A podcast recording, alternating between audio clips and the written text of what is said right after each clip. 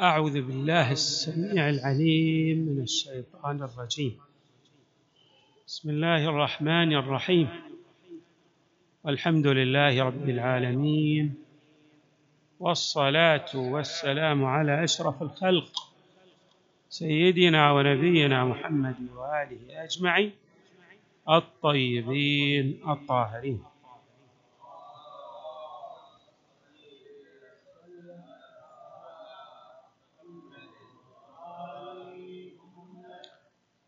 قال الله تعالى في القرآن الكريم فاعلم أنه لا إله إلا الله واستغفر لذنبك.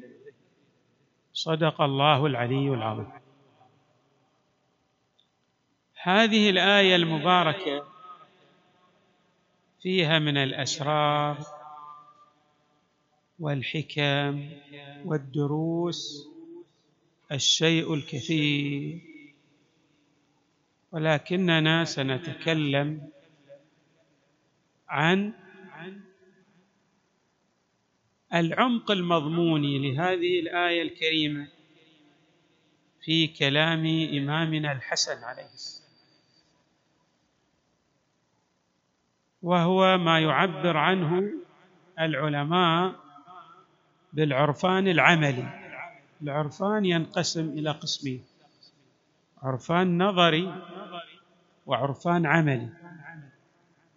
عرفان النظري هذا يعلم به كثير من الناس. كثير من الناس عند دراية بكثير من الحقائق.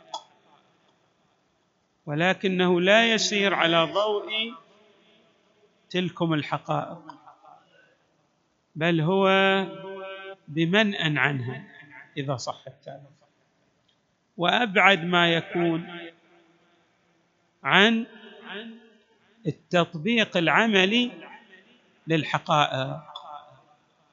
فالمعرفة شيء والعمل بالمعارف التطبيق العملي لتلك المعارف والعلوم هو شيء آخر. التطبيق العملي هو الأهم. إمامنا الحسن عليه السلام يبلور لنا هذه الحقيقة التي تحدثنا عنها في كلمات مختصرة فيقول عليه السلام فاستجيبوا لله وآمنوا به. هنا في الحقيقة يعني آمن بالله واستجب له.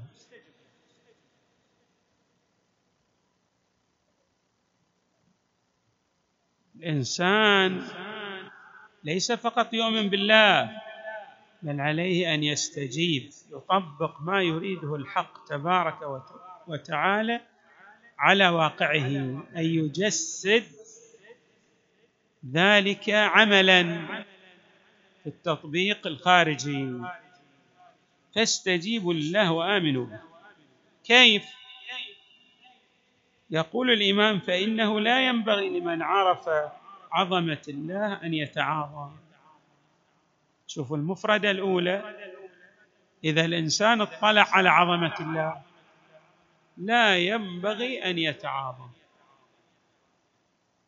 أما بالنسبة للمؤمنين الذين يشترك وإياهم في الإيمان. النبي صلى الله عليه وآله وهو أشرف الخلق. الله يأمره واخفض جناحك للمؤمنين.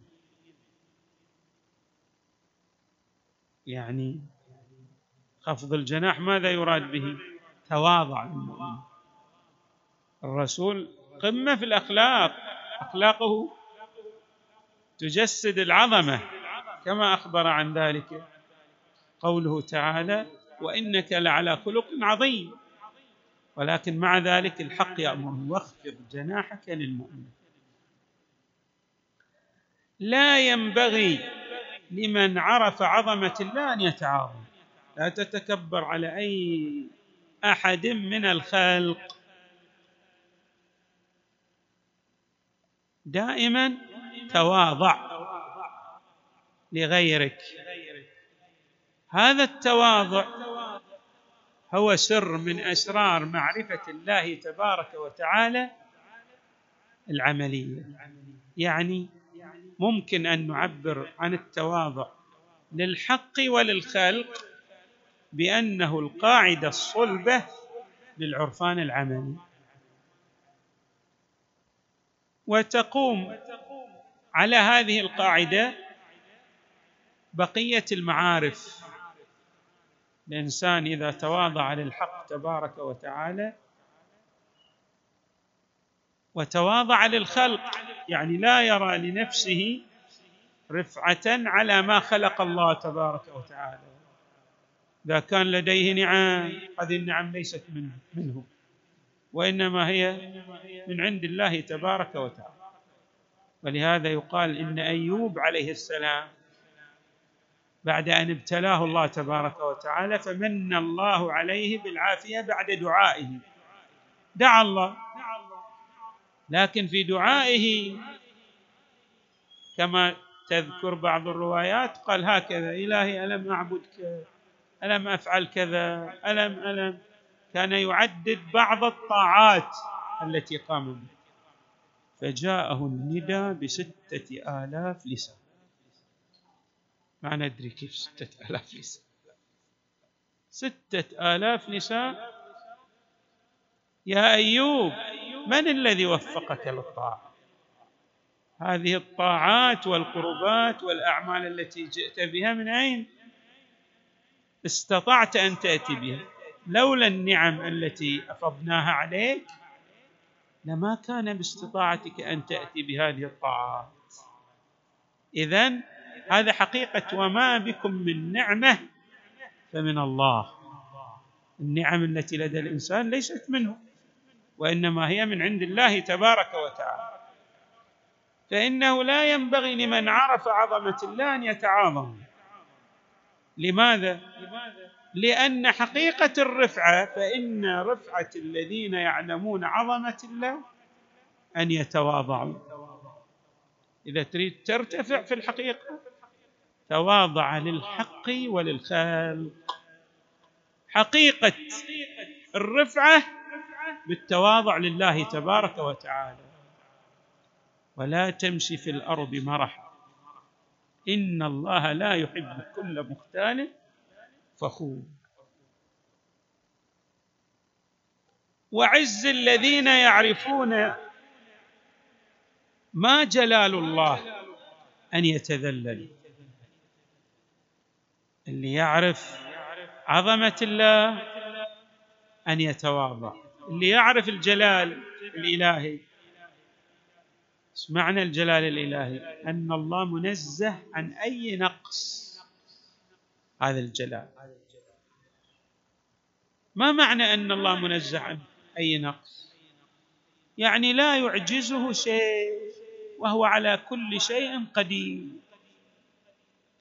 ذكرنا أكثر من مرة في الآية التي تتحدث عن يونس وذنون الذهب مواظبا فظن أن لن نقدر عليه فنادى في الظلمات أن لا إله إلا أنت سبحانك إني كنت من الظالمين. الانسان إذا وقع في أي مخمصة في أي ملمة من القادر على إنقاذه؟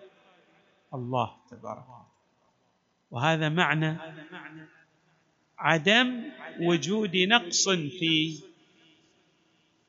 ذات الحق تبارك وتعالى. جلال منزه عن النقص.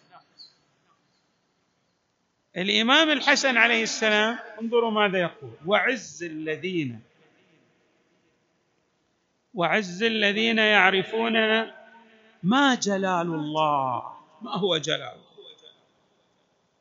خلنا نحذف ما هنا نقول. وعز الذين يعرفون جلال الله. يصير أوضح. لكن لو قلنا ما جلال الله يصير شنو؟ بالإضافة إلى معرفة الجلال يعني معرفة حقيقة الجلال وعظمة الجلال. ما هو جلال الله؟ ما يمثله هذا الجلال؟ أن يتذللوا. الذي يعرف جلال الحق تبارك وتعالى أن يظهر. ماذا؟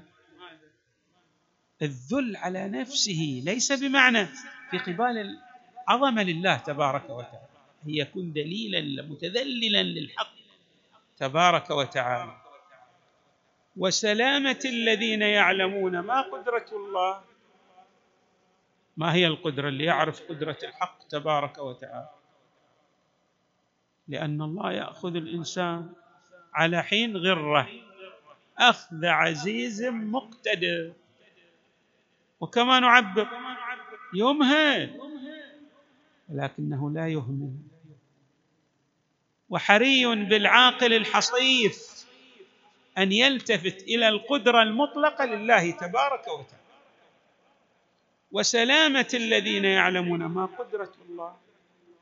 إذا تريد النجاة والسلامه والحظوة والمنزلة الرفيعة في عالمي الدنيا والآخرة ماذا تعمل؟ أن؟ ماذا؟ أن يستسلموا. استسلم لله تبارك وجاء بقلب سليم. سليم يعني. ما في أي أي أي شائبة من الدرن. ومسلم لله تبارك وتعالى. أن يستسلموا له ولا ينكروا أنفسهم بعد المعرفة. لأن مجرد أن تصاب بشيء من الطغيان والعوج والكبرياء فهذا تنكب لجادة العبودية الحقة لله تبارك وتعالى.